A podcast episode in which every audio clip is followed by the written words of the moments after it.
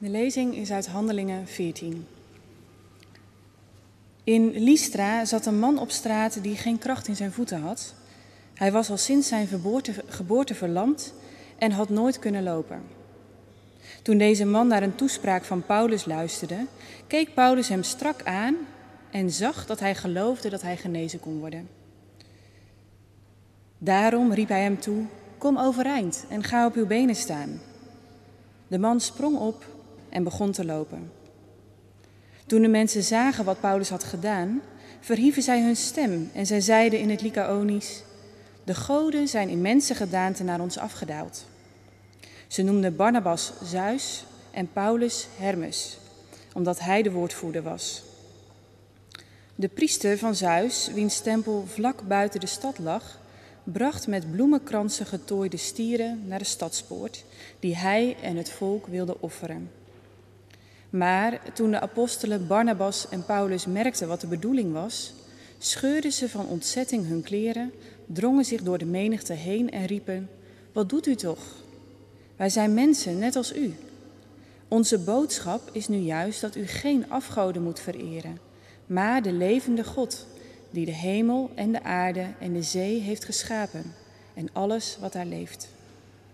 Hij heeft in het verleden alle volken hun eigen weg laten gaan, maar heeft toch blijk gegeven van zijn goedheid. Vanuit de hemel heeft hij u regen geschonken en vruchtbare seizoenen. Hij heeft u overvloedig te eten gegeven en u zodoende vreugde gebracht.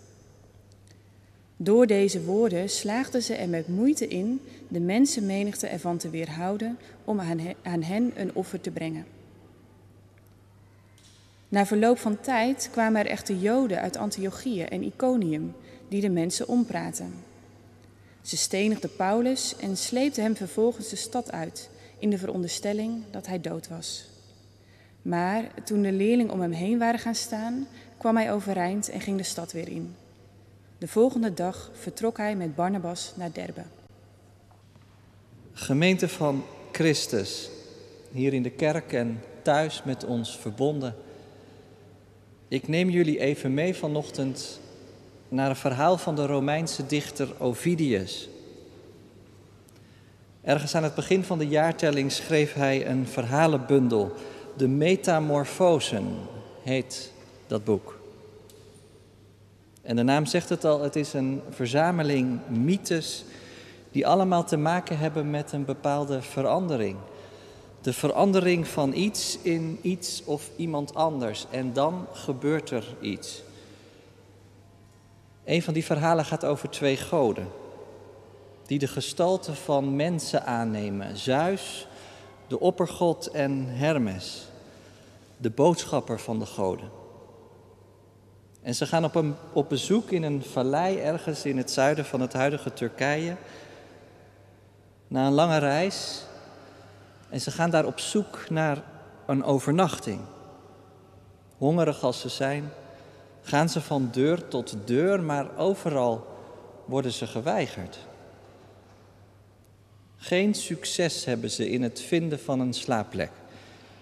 Totdat ze bij een heel klein huisje komen, het armste huisje van de vallei, waar de armste mensen van de stad wonen. En precies daar worden ze uitgenodigd. Kom maar binnen, daar krijgen ze te eten en daar krijgen ze een plek om te slapen. De volgende dag nemen die twee goden die mensen mee de berg op. En als ze boven zijn, dan horen ze het geluid van water. En als ze omkijken, dan zien ze hoe de hele vallei overstroomt. De hele stad wordt vernietigd. Iedereen die die goden geweigerd had, vindt de. En op één plek is een gouden dak te zien dat schittert in de zon. Dat is de plek waar dat kleine armzalige huisje stond van die twee mensen die gered zijn. Nou ja, dat is dus een verhaal uit de tijd waarop Paulus en Barnabas in precies diezelfde regio aankomen. Waar ze een pantheon aan goden hebben.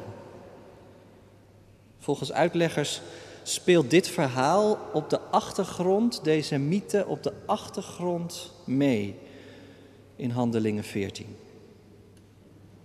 Het verhaal over de grilligheid van de goden, die je zomaar kunnen straffen. En in die stad komen Paulus en Barnabas dan aan met een evangelie over genade. Dat gaat niet over de dood, maar over de opstanding.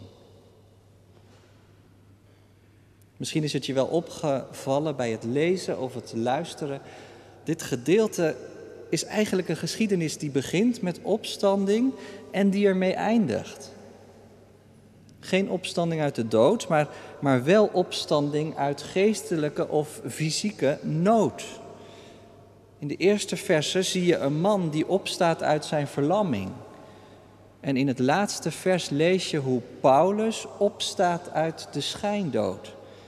En tussen die twee opstandingsverhalen in staat dan de geschiedenis van een confrontatie. Hoe het evangelie over Jezus' opstanding uit de dood op een muur van onbegrip en onwil stuit.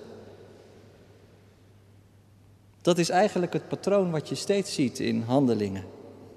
Dan wordt het evangelie verkondigd en dan stuit die boodschap altijd op weerstand. Op onbegrip en op scheiding en op vervolging. Zo zijn Paulus en Barnabas ook hier aangekomen. In de vorige stad, Iconium, hadden ze ook het evangelie gebracht, maar ze moesten er vluchten omdat ze gedreigd werden om gestenigd te worden. En zo komen ze dan in Lystra aan en daar vinden ze die man. Of beter gezegd, die man hoort hen. En die hoort het evangelie en die hecht er geloof aan. Heel opvallend eigenlijk omdat er straks zoveel onbegrip zal zijn. Maar deze man langs de kant van de weg, zijn nood is blijkbaar heel hoog. Hij hoort wat Paulus zegt en hij gelooft het en Paulus ziet het. Paulus kijkt hem strak aan, dat hebben we vaker gezien in handelingen de afgelopen tijd. Als Paulus strak kijkt, dan is hij vervuld door de geest en dan onderscheidt hij waar het op aankomt. Zo ook hier. Deze man heeft geloof. En hij zegt: sta op en loop. En die man staat op en loopt. Ik weet niet wat je ervan denkt. Zou dat kunnen dan? Dat je opstaat uit je verlamming? En toch, ik, toch denk ik dat we dit wonder echt als wonder mee moeten nemen. Sowieso het hele verhaal door. Maar ook wel verder. Want dat wonder is eigenlijk de onderstreping van een wonder dat nog veel groter is.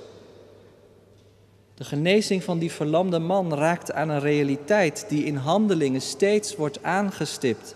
Namelijk deze realiteit dat het evangelie van Jezus Christus inderdaad over opstanding gaat. Over opstanding straks, als hij terugkomt en de doden zullen opstaan maar ook over opstanding nu. Geestelijke opstanding uit allerlei vormen van onderdrukking. Het boek Handelingen laat ons zien dat van Gods nieuwe wereld, waar we vurig naar verlangen, soms al tekenen doorbreken in het heden. En ik hoop eigenlijk dat je ernaar verlangt. Heer, geef ook mij een teken van uw macht. Nou ja, de inwoners van Lystra krijgen een teken. En ze reageren in eerste instantie heel enthousiast. Ze beginnen in het plaatselijk dialect met elkaar te praten. Ze roepen er een priester bij, die op zijn beurt weer stieren en bloemenkransen laat aanrukken. Hier is iets groots en iets goddelijks gebeurd. En voordat ze het weten, zijn die twee apostelen het middelpunt van een offerfeest. Ze weten niet wat ze zien. Overal lachende gezichten om hen heen, klappende handen. Maar is het echt zo mooi als het lijkt? Ik denk eigenlijk dat bij Paulus en Barnabas al snel alle alarmbellen gingen rinkelen. Want ze waren vrome Joden. En wat ze hier zien is puur heidendom. Dat kan niet en dat mag niet. Mensen, stop. Is dit niet waar het Jodendom steeds tegen had gewaarschuwd? Abraham die zich moest afkeren van de afgoden uit Ur. En Mozes in de wet. Keer op keer laat je niet in met heidense offerdienst. En daarom reageren Paulus en Barnabas ook zo heftig op wat er nu gebeurt. Hier willen ze niet bij horen. Hoe leuk het misschien ook is om een tijdje in het middelpunt van de belangstelling te staan. Je vraagt je af, wat is er gebeurd met die mensen? Kwamen toch wel vaker rondreizende predikers langs? Waarom reageren ze zo overenthousiast? Nou, dat heeft dus misschien wel te maken met dat verhaal. Met die mythe. Dat ze in Barnabas en Saulus, Paulus, twee goden herkennen. Zeus en Hermes. We krijgen een tweede kans. Stel ze vooral niet teleur. Het laatste wat je wil is hen nogmaals beledigen, want dan overleven we dit niet. Misschien vind je dat wel typisch iets van toen. Het primitieve heidendom ten voeten uit. Dat je probeert de goden tevreden te stellen. Godsdienst als remedie tegen de angst. En allerlei rituelen als instrument tegen de onzekerheid.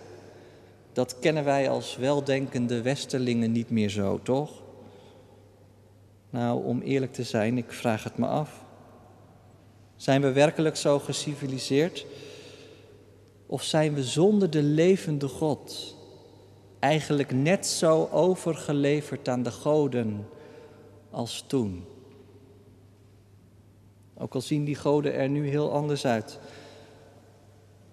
Onlangs verscheen een boek van de theoloog Gerco Tempelman. Het boek heeft als titel Ongeneeslijk religieus. Ongeneeslijk religieus.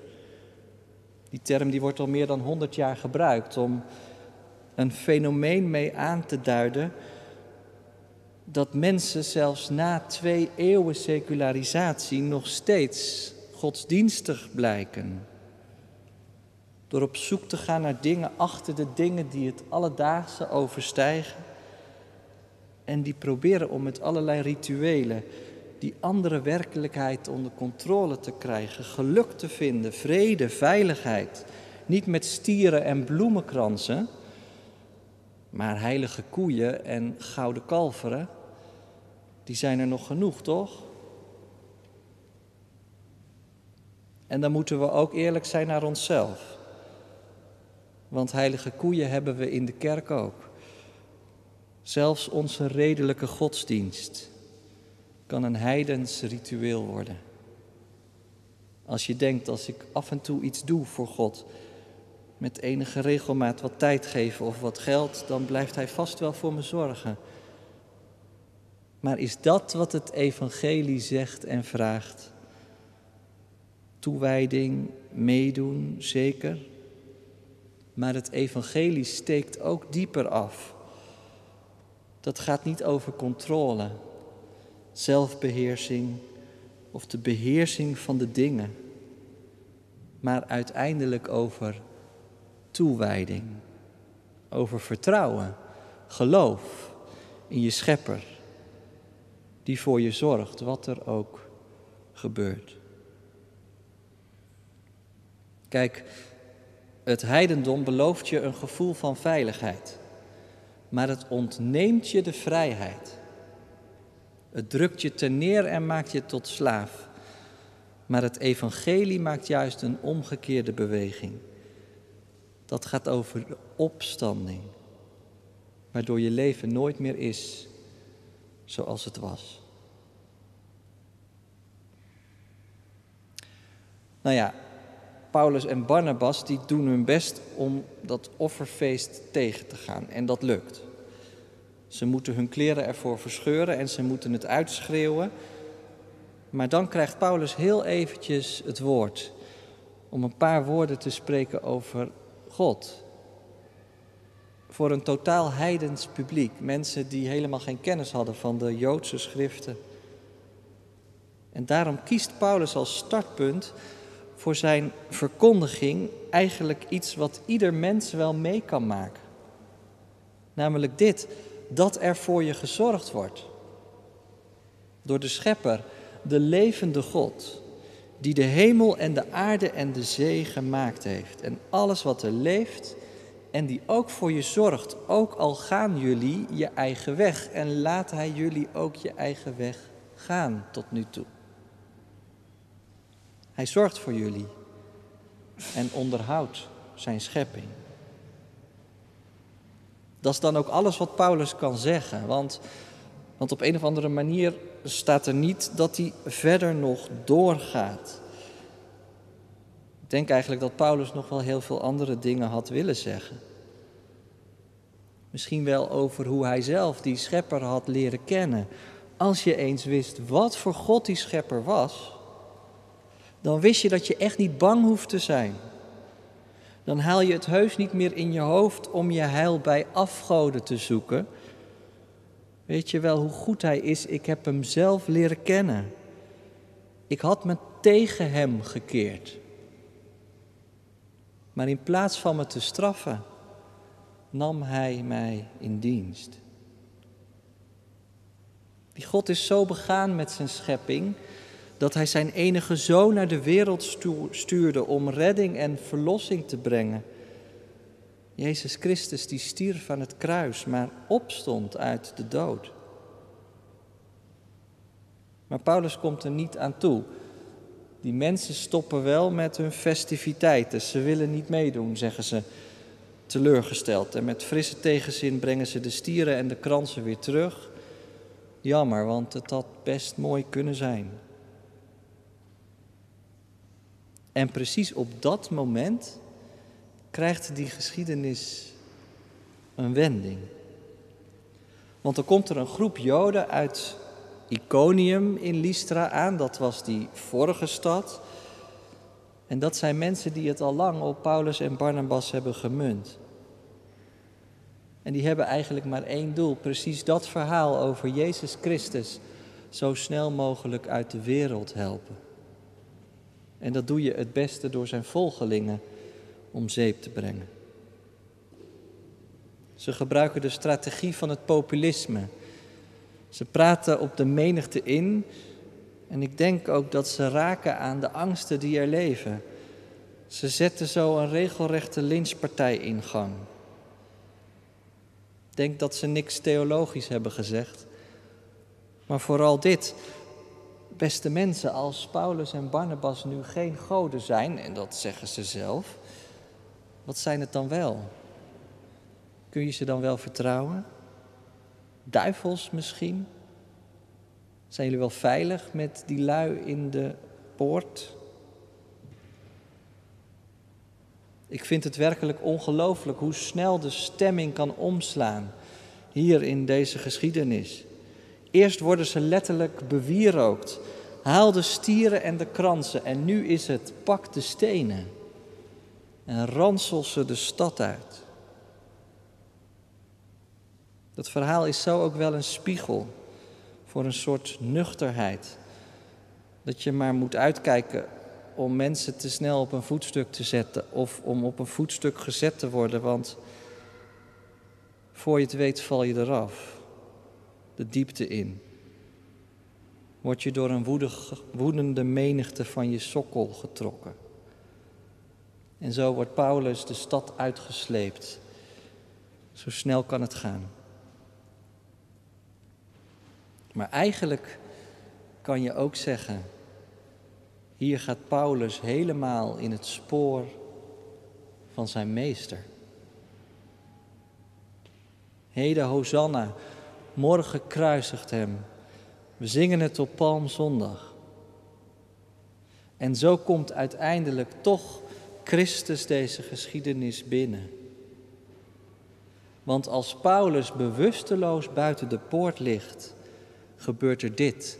De leerlingen gaan om hem heen staan. Welke leerlingen? Nou, blijkbaar zijn er mensen in Lystra die tot geloof zijn gekomen. Ze bidden misschien voor hem. En hij staat op.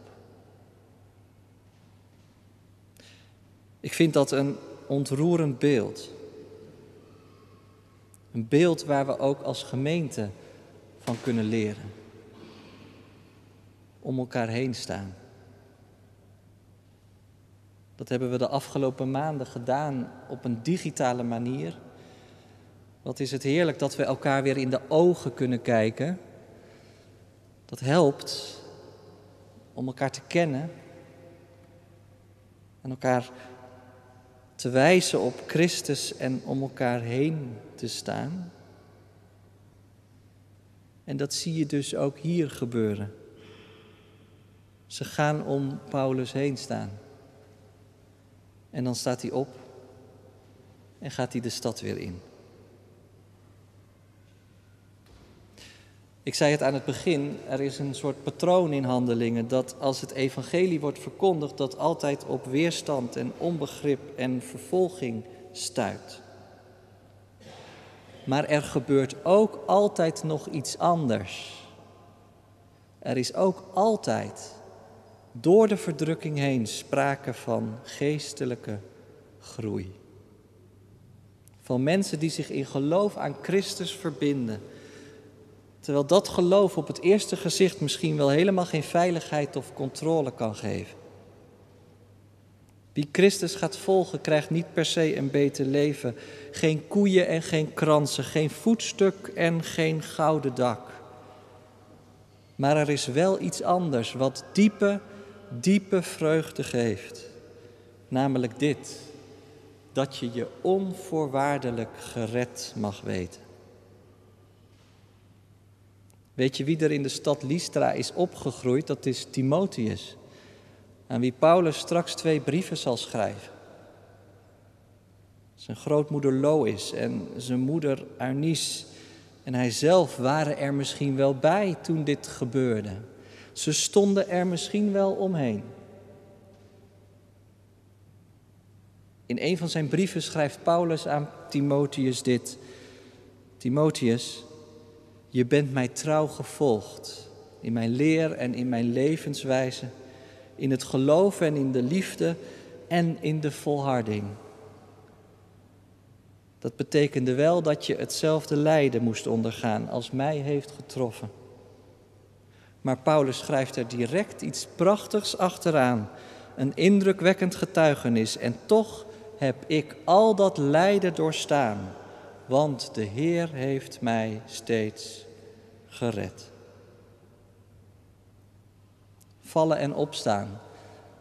Dat is dus ook een patroon. Velen van ons kennen het uit hun eigen leven.